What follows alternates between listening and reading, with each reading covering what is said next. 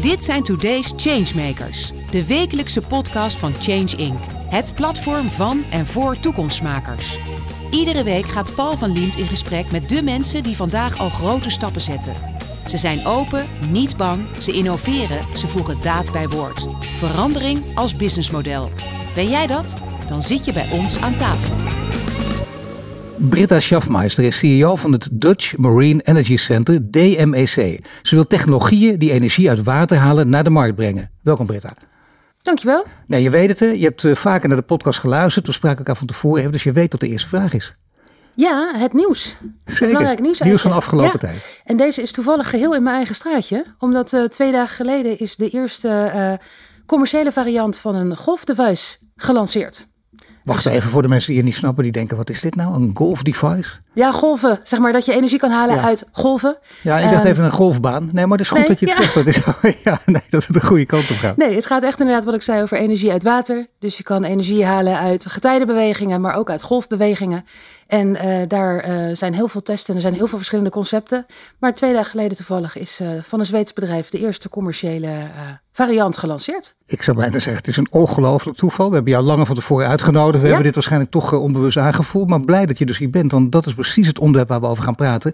Het gaat natuurlijk om, ja, om de commercie. Om hoe je, hoe je dit idee gewoon ook commercieel vorm kan geven. Dat is belangrijk. Maar misschien eerst even, straks ook nog wat over je achtergrond. Maar eerst even over dit idee, want dat is het precies. Toen ik het hoorde, dacht ik, waarom is dit niet veel en veel groter en breder bekend? Ja, dat is denk ik eh, Nederland Waterland zou het breder bekend moeten zijn. Ik moet Ja. ook zeggen, met iedereen waar ik over praat, die, die vraagt precies hetzelfde.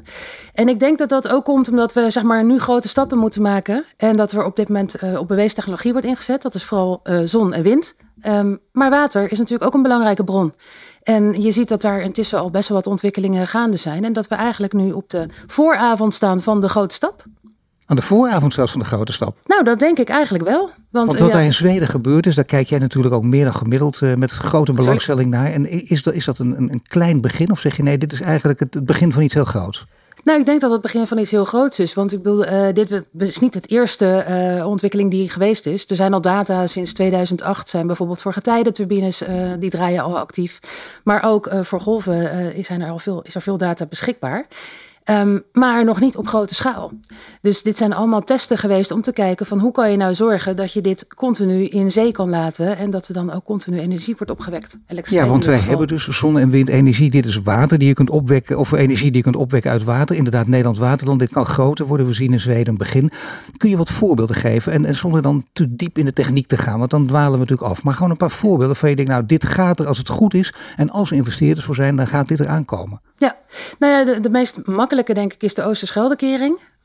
Dat zit in Zeeland en je ziet dat daar, eh, nou eigenlijk zie je dat niet, maar er zijn al vijf getijdenturbines zijn eh, geplaatst in een van de openingen. Eh, alleen je rijdt er overheen, dus je ziet niks. En niemand weet eigenlijk dat het er zit, behalve de mensen in de omgeving waarschijnlijk. Maar die draaien al sinds 2016 en genereren elektriciteit voor de huishoudens eromheen. En dat kan je opschalen. Dus dat is een heel duidelijk voorbeeld wat er kan. De afsluitdijk is denk ik ook iedereen wel eens een keertje omheen, overheen gereden. Dat kan niet anders, ja. Ja, neem ik aan in ieder geval. En eh, daar staat ook een kleine blauwe kubus. En dat is een eh, Blue Energy centrale die eh, energie opwekt tussen de zoet-zoutgradiënten, Waddenzee en IJsselmeer. Dat laat je langs elkaar heen stromen, zeg maar. En dan kan je daar een soort met van batterijfunctie van maken. En dan kan je elektriciteit Mooi dat je dat zegt, Blue Energy. eh is ook een hoogleraar hè, die zich daar enorm lang eh, al mee bezighoudt. eh, internationaal georiënteerd. Die ook in Groningen geloof ik ook met fabrieken actief is en bezig. Die probeert het ook al vrij lang. Met name om dit commercieel vorm te geven. Ehm, voordat we hier straks nog uitgebreider over doorgaan. Wil ik eerst van jou weten. Zijn er echt serieus geïnteresseerde investeerders? Wij worden best veel benaderd, zeg maar, door wat grotere organisaties of partijen die willen kijken van wat kunnen we hiermee. Eh, die ook de, overigens dezelfde vraag stellen, waarom is dit er nog niet? Eh, Vaak is daar het verhaal van ja, je hebt locaties nodig, je hebt vergunningen nodig. Ehm, en dat duurt meestal toch een tijdje. Het duurt meestal toch een tijdje. ja, nee, dat zo- weten we allemaal. Dat is inderdaad de bottleneck. Ja. Echt het uivermissen van het jaar. Nee, dat duurt waanzinnig lang. Die vergunningen, we snappen dat wel. En de omgeving, het doet er allemaal toe. Maar dat mag wel versnellen. Ja, dat mag zeker versnellen. En overigens nog een ander stukje, onbekend maakt onbemind. Dus een heleboel investeerders weten dit ook niet eens. Dus daar is eigenlijk nog veel te weinig aandacht voor gevraagd. Het is nog heel erg in de technologiefase geweest. En uh, nou, dat is eigenlijk ook waar ik al vijf jaar mee bezig ben. Om het uit die technologiefase te halen en te laten zien, er is meer. Uh, je moet ook denken over je business case. Je moet een juist team hebben om juist die bekendheid te zoeken. Maar ja, luister, ik ken jou nu ongeveer tien minuten. En uh, ik heb het idee dat jij toch investeerders wel een mooi verhaal kunt voorspiegelen. En vervolgens ja. ook uh, duidelijk kunt maken waar de bottlenecks zitten, waar de hobbels vooral ook zitten, wat, wat, uh, wat er beter moet. En, en dat je een investeerder kan overtuigen. Dan moet je bedrijf natuurlijk ook een soort slagkracht hebben en krijgen. Ja. Jouw bedrijf bestaat uit hoeveel mensen? Wij zijn met z'n twintigen, maar um, wij zijn niet degene die de technologie ontwikkelen. Dus de investeringen is niet naar ons toe. Wij richten ons echt op het versnellen van de technologieën. Dus uh, wij hebben heel veel ervaring van hoop technologieën. We hebben er geloof ik in totaal 125 verder geholpen. Uh, er zijn er ruim meer dan 320 in de wereld. Ja.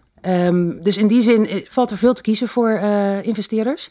En dat is natuurlijk ook de vraag van hoe kunnen zij nou inschatten waar de kansen zitten en welke technologieën zijn nou winnaars? Ja, dat is een heel goede vraag. Wat is het antwoord op die vraag? Nou, dan moet je bij technologie kijken. Maar afgezien daarvan is ook een technologie. Een goede technologie wil niet zeggen dat je een innovatie hebt. Want het moet ook nog naar de markt komen. En daar heb je een juist team voor nodig. Je hebt een goed plan nodig. Je hebt die investeerders natuurlijk nodig. Dus er zijn een hoop stappen die je op orde moet hebben voordat je de markt uh, kan betreden. Goed, nou jullie bedrijf, jouw bedrijf, uh, jullie zijn met z'n twintig. Jij bent uh, de CEO, want ook CEO ben je van, een bedrijf van twintig. Dat betekent ook als je CEO, dat is groot. je bent ook CEO als je een bedrijf van drie leidt, heb ik af en toe de indruk. Dat, dat mag je zelfs zo noemen. Maar dit betekent wel dat echt ambitie bestaat ook. normaal gesproken sta je nu aan het begin van iets van een bedrijf wat straks uit 400, 500 mensen bestaat, of niet? Uh, ik hoop het niet eigenlijk. nee, mag het niet te groot worden? nou, kijk, de grap is, we zijn begonnen met. Een, ik ben begonnen als CEO van twee of drie mensen, waarvan ik één was overigens. Uh, dus dat is vijf jaar geleden. En uh, toen hebben we gezegd: van nou, wij zetten ons echt in als Not-for-Profit Foundation om te zorgen dat de sector verder komt. Dus we gaan niet zelf ontwikkelen. We gaan kijken van hoe kunnen wij de technologie verder brengen. Wij zetten daarbij op in ook op vier thema's. En dat is innovatie. Hoe kan je dat verder brengen? Um, daarbij wilden we eigenlijk onze diensten aanbieden aan de technologieontwikkelaars. En toen kwamen we erachter dat die eigenlijk helemaal geen financiering hebben. Nee. Dus ze konden ons niet inhuren. Nee. Nou, vervolgens hebben wij gekeken, wat doen we dan? Want we willen ze wel graag verder helpen. Uh, en hebben we als een gek Europese projecten geschreven van hoe kunnen wij stappen gaan zetten. En um, daar hebben we mazzel mee gehad. Dus we hebben intussen ruim zeven Europese uh, projecten, waarin we 128 miljoen hebben gemobiliseerd voor de sector. Ja, en dat zijn projecten die, uh, dat laten zeggen, is dat allemaal subsidiegeld of niet? Europees subsidiegeld? Niet allemaal, zeg maar, want er zitten ook private investeringen in. Uh, je moet je voorstellen dat subsidies al ergens tussen de 50% en 100% dekkend zijn.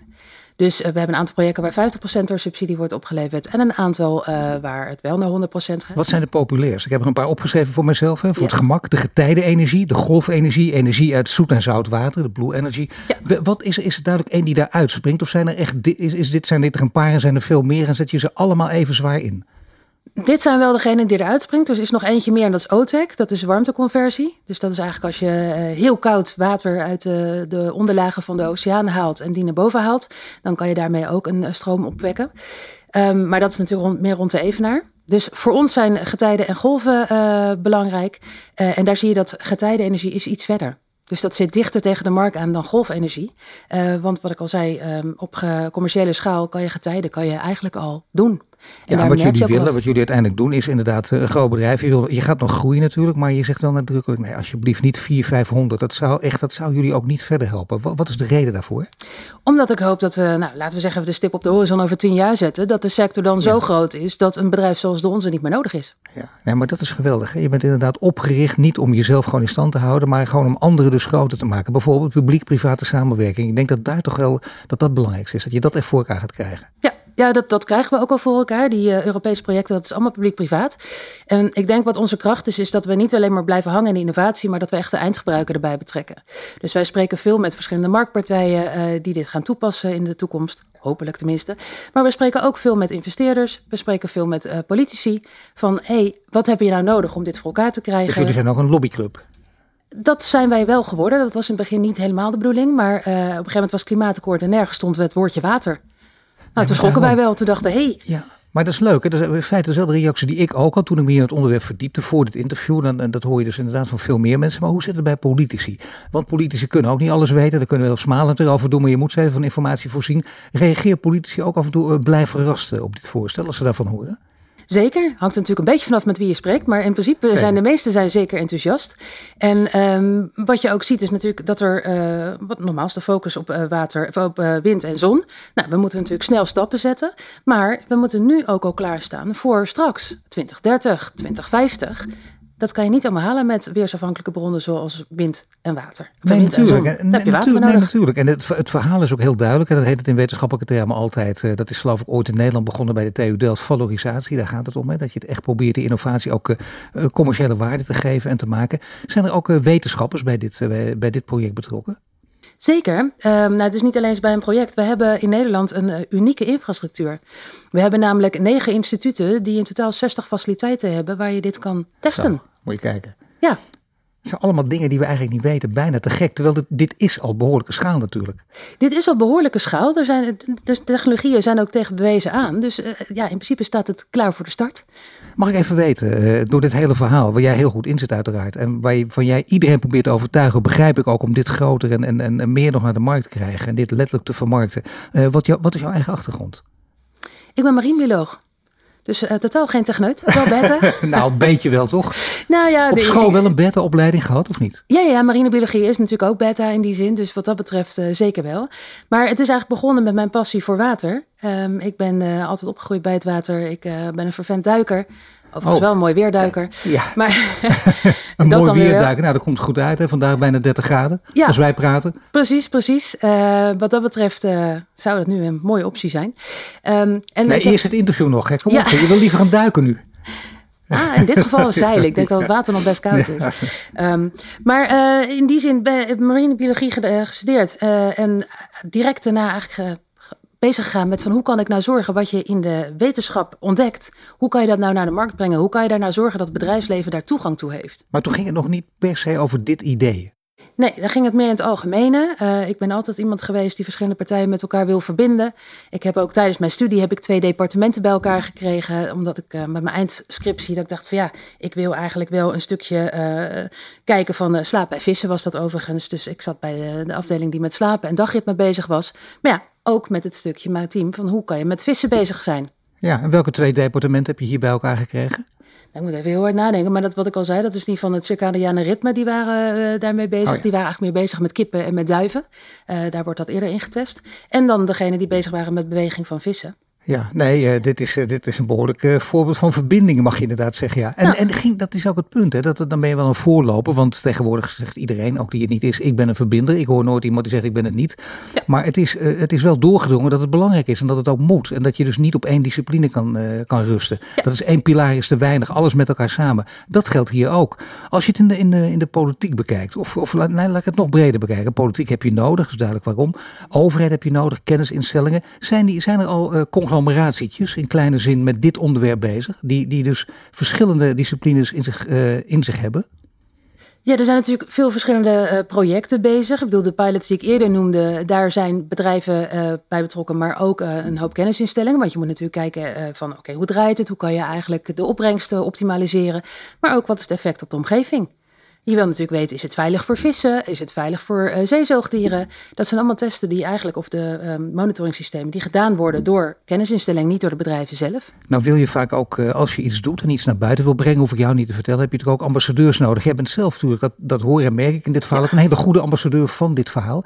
Maar zijn er ook bijvoorbeeld, uh, laten we zeggen, min of meer bekende hoogleraren of gerenommeerde, misschien wel, ja weet ik het, technici, die zeggen, of technologen, die zeggen, dit willen wij voor het voetlicht brengen. Dat kunnen we ook. Ja, nou zeg je het heel grappig, want technologen en wetenschappers zijn vooral bezig daarmee. Dat zijn meestal niet de mensen die gelijk uh, nee, op een podium gaan staan en zeggen: Dit wil ik. Ja, maar je hebt ze toch en je ziet hoe dat helpt af en toe als dat wel gebeurt. Ja, in Kijk Nederland... naar Erik Scherder, ik noem maar eh, Robert Dijkgraaf, dat, dat ja, helpt enorm. Dat helpt enorm inderdaad. Uh, je ziet dat ze dat in wat kleinere kring wel doen, um, maar dat ze nog niet op het grote podium gaan staan van: Dit is nou de technologie die we moeten hebben.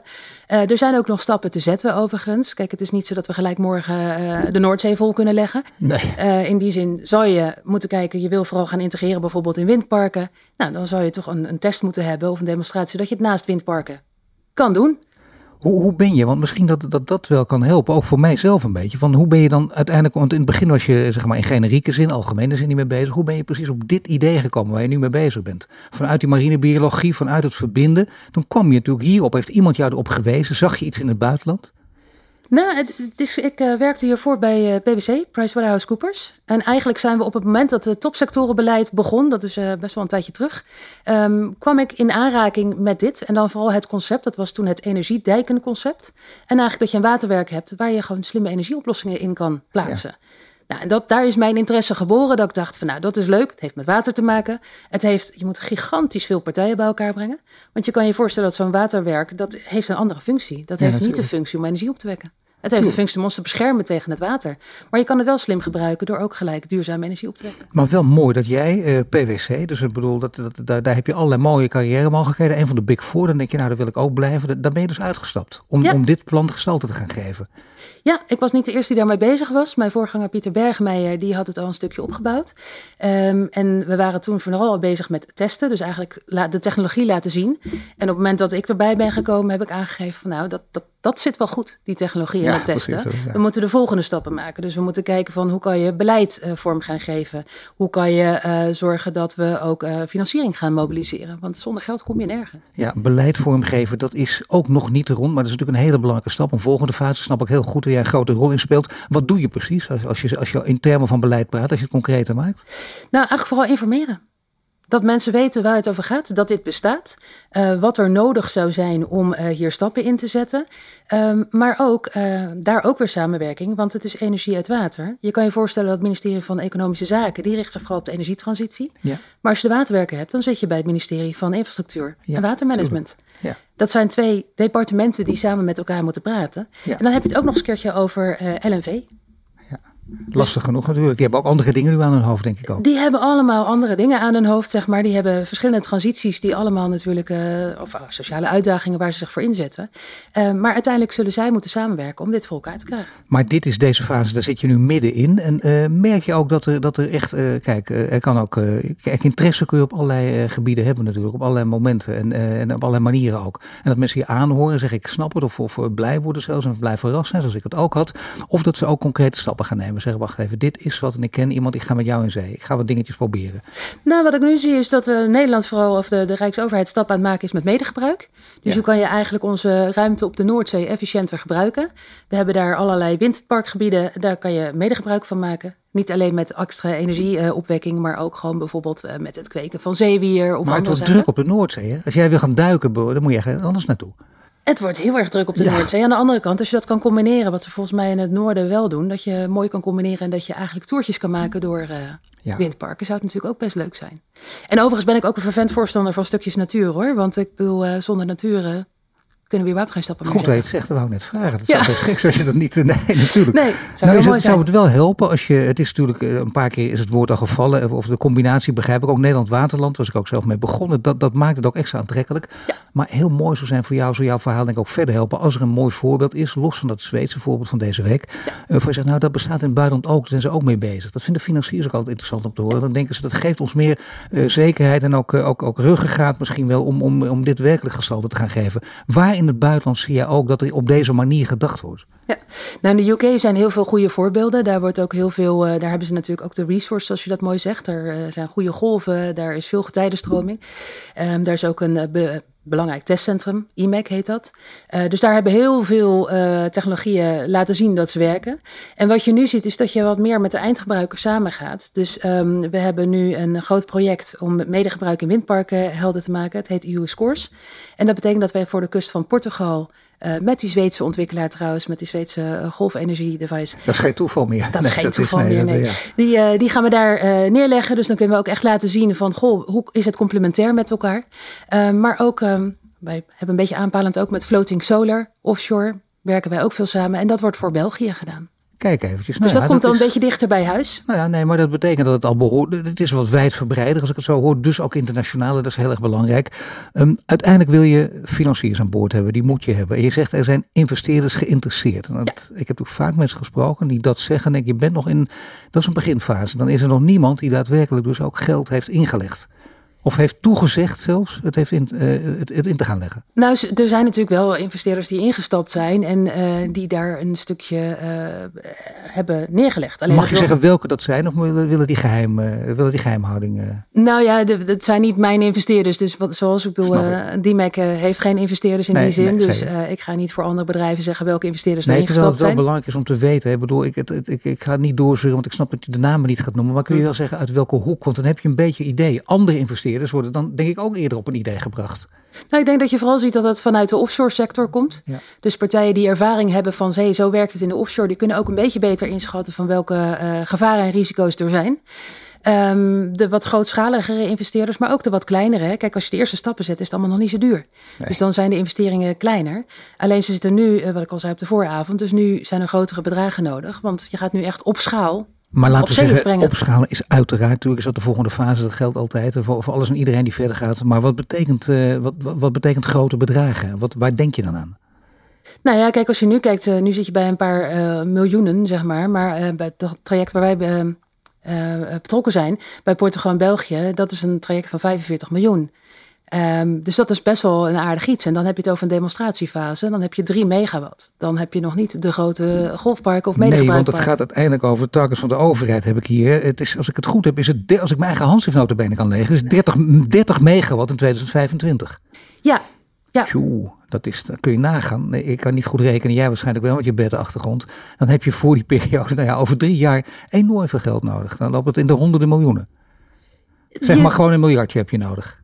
Nou, dat, dat hangt er vanaf welke device je in gaat zetten. Kijk, als je bij getijdenenergie uh, energie kijkt, dan kan je daar wat eerdere stappen maken die niet zo gigantisch, dat zijn geen miljarden. Um, het, het, hangt daar echt van af. En ik denk ook niet dat je alleen maar publieke gelden nodig hebt. Je hebt vooral ook private gelden nodig natuurlijk. Um, maar ja, geld is wel een, een stap. Ik bedoel, de windmolens zijn ook vooral toen het eerste park in 1980 uh, eh, in opdracht werd gegeven. Dat was eigenlijk de stap dat windenergie is gaan vliegen. Even nadenken. Je zegt het, het is een paar trouwens, 1980. Ja, dat is al lang tijd terug. Ja, nee, maar dat is, nee, maar is goed. Dat schrik ik ook. Dat is inderdaad meer dan 40 jaar geleden. Dat is behoorlijk het periode, ja. Nee, dat is waar. Maar goed, op zichzelf. Uh, we leven natuurlijk wel in tijden van versnelling. En dat moet ook en zo. Dat merk je ook. Uh, uiteindelijk, uh, ja, degene die hier instappen nemen dit risico. Dat hoort bij ondernemen. Daar moet flink wat geld in. Maar er staan natuurlijk hele mooie revenue tegenover. En bovendien ben je ook, denk ik, ja, onderdeel van die, van, die, van die duurzame transitie. Van die energietransitie waar je deel van uit wil maken. Je kunt de beste mensen ook aantrekken. Want dat is dan wel een punt als je dit gaat doen. We leven tijden van arbeidskrapte. Hoe zit dat hier eigenlijk in deze wereld? Nou ja, het leuke is natuurlijk, het is iets nieuws, het is iets spannends. Mensen die uh, kennen offshore wind wel, maar marine energy nog minder. Dus wij merken daar super veel interesse. Want mensen willen zich heel graag inzetten voor een duurzame wereld. En de eerste voorbeelden komen ook. Hè. Bij de UK heb je de Orbital, dat is een getijdenenergiecentrale. Die uh, ligt daar al en die wekt energie op, zeg maar.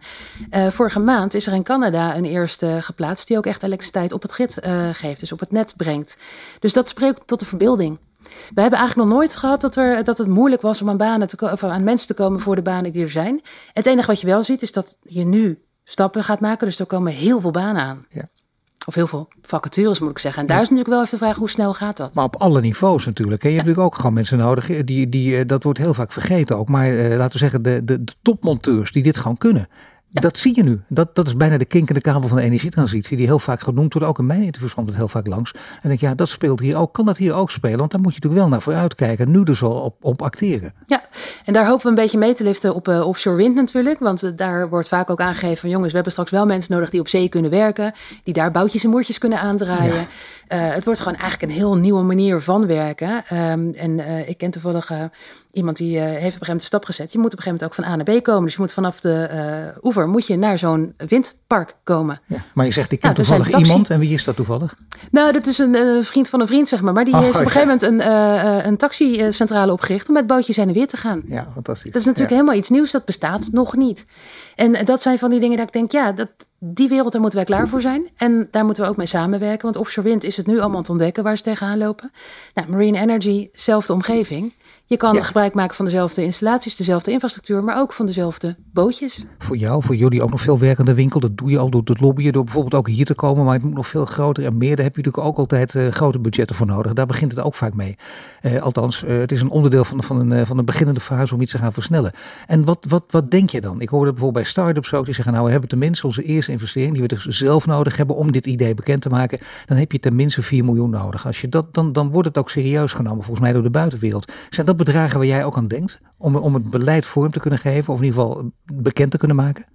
Nou ja, dat hangt er een beetje vanaf. Kijk, eh, ik denk dat elk bedrijf een onderdeel daarvan moeten zijn, zeg maar. Dus je zou zo'n partij als wij, die kan het in Nederland groot maken, zeg maar. Maar eh, in Europa heb je ook Ocean Energy Europe. Die zijn op dat moment, die hebben eh, ook heel veel leden ehm, door heel Europa heen en zijn op die manier bezig om het beleid vorm te geven. Ik denk dat dat de eerste stappen zijn. En op een gegeven moment krijg je natuurlijk inderdaad wat we nu doen. het meer aan het bredere publiek laten weten. En eh, daar heb ja, je inderdaad wel wat publiek, maar budget het is, nodig. Het is inderdaad, maar zelfs een publiek wat, wat redelijk geïnformeerd is, is toch nog niet echt op de hoogte. Want het is een geweldig verhaal natuurlijk. Ik bedoel, je hebt eh, Nou ja, zonne, wind en waterenergie. Dat is precies eh, wat, wat we willen. Dat is eigenlijk bijna de ontbrekende schakel die hiermee toegevoegd is. Het gaat wat geld kosten, maar het levert ook wat geld op. En je weet nooit precies hoeveel. Het is een kwestie van op lange termijn kijken en durven kijken ook. Het is vooral die lange termijnvisie waar het om gaat. Dat je daarop in kan zetten en dat je die stappen kan maken. En ik denk wat je kijkt in Nederland. Je kan hier aardig wat plaatsen. Maar het zal nooit onze gehele energietransitie voorzien. En dat is natuurlijk waar mensen mee bezig zijn. Hoe kunnen we onze eigen energietransitie realiseren? Maar ja, de energietransitie houdt zich niet aan grenzen. Nee. Dus je zal daar overheen moeten kijken. En je zal denk ik vanuit heel Europa moeten kijken. eh, van waar kan je wat plaatsen? Maar je hebt ook een Green Deal. En in die Green Deal is waterstof natuurlijk altijd eh, de, heilige graal. Dat was ook, kwam het opeens naar boven. Terwijl het al heel lang bestaat. Nou, dat weet jij beter dan ik. En dat is ook zo. En opeens praat iedereen erover. Dus daar is een hele, heel goed, eh, hele goede lobby opgezet. Daar is een hele goede lobby op gezet. En ik denk dat er nog iets anders speelt. Hydrogen lijkt natuurlijk een beetje op wat wij daarvoor hebben gedaan met brandstof. Ja. Dus het is een beetje bekend. Ja. En dan is het voor grote bedrijven misschien ook makkelijker om te zeggen: hé, hey, dat is een duurzame eh, stof die ik dan kan gebruiken. Dat Maar snap dit ik. zou doen. dit onderdeel moeten zijn van, eh, of, of is het misschien al, zonder dat ik het weet, maar onderdeel moeten zijn van de Green Deal. Een belangrijk onderdeel. Het is wel een belangrijk onderdeel daarvan, want de offshore energy strategie eh, geeft aan dat wij, daar komt het eerste target vandaan, zeg maar, van de 100 megawatt in 2025, 1 gig in 2030 en dan eh 40 gig in 2050. Ja. Dus er is Ja. al voor offshore renewables is er al een, eh, een strategie Nou ja, die neergezet. targets van de overheid die ik net noemde, 30 megawatt 2025, dat is ook haalbaar. En dat is ook reëel. En die, zou, die promoten wij voor Nederland. Ja, Dus nee, hè, van die 100 megawatt van eh, eigenlijk wat er in Europa wordt gezegd, zeggen wij, wij kunnen een derde daarvan kunnen wij in Nederland realiseren. Oké, maar locaties, vergunningen, heel erg belangrijk. Geld Ja. natuurlijk heel erg belangrijk. Investeerders, allemaal heel erg belangrijk. Allemaal dat bij elkaar, dat is gewoon het pakket. En dan kun je die hele grote sprong maken, die hele grote stap ook zetten. Eh dan heb je natuurlijk iemand nodig die heel goed leiding kan geven. Dat doe jij ook. Eh, je, maakt ook de indruk van, eh, accuraat eh, optredend iemand. Gewoon helder denkend ook. strategisch denkend. Waar blink je zelf in uit als, als leidinggevende? En je mag even onbeschoft zijn. Hè? Waar ik in uitblink. Ehm, ik denk wel het stukje visie, waar willen we heen? En vooral iedereen in zijn kracht laten staan, zetten. Het eerste wat ik vraag aan mijn team mensen is, jongens, wat wil je doen? Wat vind je leuk om te doen? En als het een beetje past binnen het kadertje waar we heen gaan, dan mogen ze dat doen. En als ze dan binnen zijn, dan gaat het leidinggeven door. En eh, hier mag je weer meteen eh, gewoon eh, echt, ja, ook, ook jezelf op de borst kloppen als je denkt dat het heel goed is. Wa- wat, waar ben je echt goed in? Als ze eenmaal binnen zijn, om mensen ook hier vast te houden. Ik denk dat de eigen verantwoordelijkheid, dat ze hun eigen dingen kunnen doen. Dus ik geef helemaal niet zoveel leiding. Jij bent heel goed in delegeren. Nou, ook niet eens. Nee, eigenlijk meer van ik ben er als er dingen zijn waar je tegenaan loopt. En nogmaals, die stip op de horizon neerzetten. En binnen welke kaders kan het? En dan heeft iedereen eigenlijk alle vrijheid. Ben jij ook degene die, eh, zoals je dat hier ook doet, die, straks ook als ambassadeur ook letterlijk het gezicht wordt? Ik bedoel het eh, ook in die zin, letterlijk het gezicht wordt en, en de stem van, van, van deze, ik zou bijna zeggen, campagne. Ik hoop niet dat ik daar de enige in ben. Ik hoop dat er heel veel gaan opstaan. Sterker nog, we hebben vanuit Ocean Energy Europe hebben wij ook een eh, specifieke Marine Energy Ambassador bij ons aan boord. Die is bij ons gedetacheerd, Sanne Destombe. Dus ik hoop dat hij een stukje het gezicht wordt. Ik help daar graag aan mee. Eh, maar ik hoop dat we straks honderden gezichten hebben. Nou, dat is eigenlijk dan toch weer heel bescheiden eh, tot Ja. slot in ieder geval. Maar ik denk dat jij het ook heel goed kan, eh Britta Schaffmeister. Ik denk, je, ik ben heel blij met, eh, met dit verhaal. Ik hoop jij ook. En ja, dit is misschien het begin van, van een grote impact. Want het is ook een verhaal wat inderdaad verdient om aan een grote publiek bekendheid te, te geven.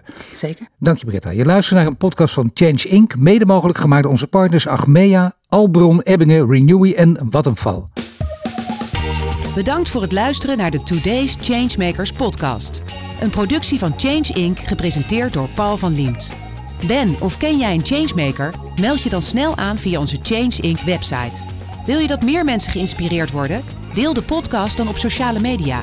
Wil je meer afleveringen luisteren? Volg ons dan nu via je Spotify, Apple Podcast of je favoriete podcast-app. En krijg een melding wanneer er een nieuwe aflevering online staat.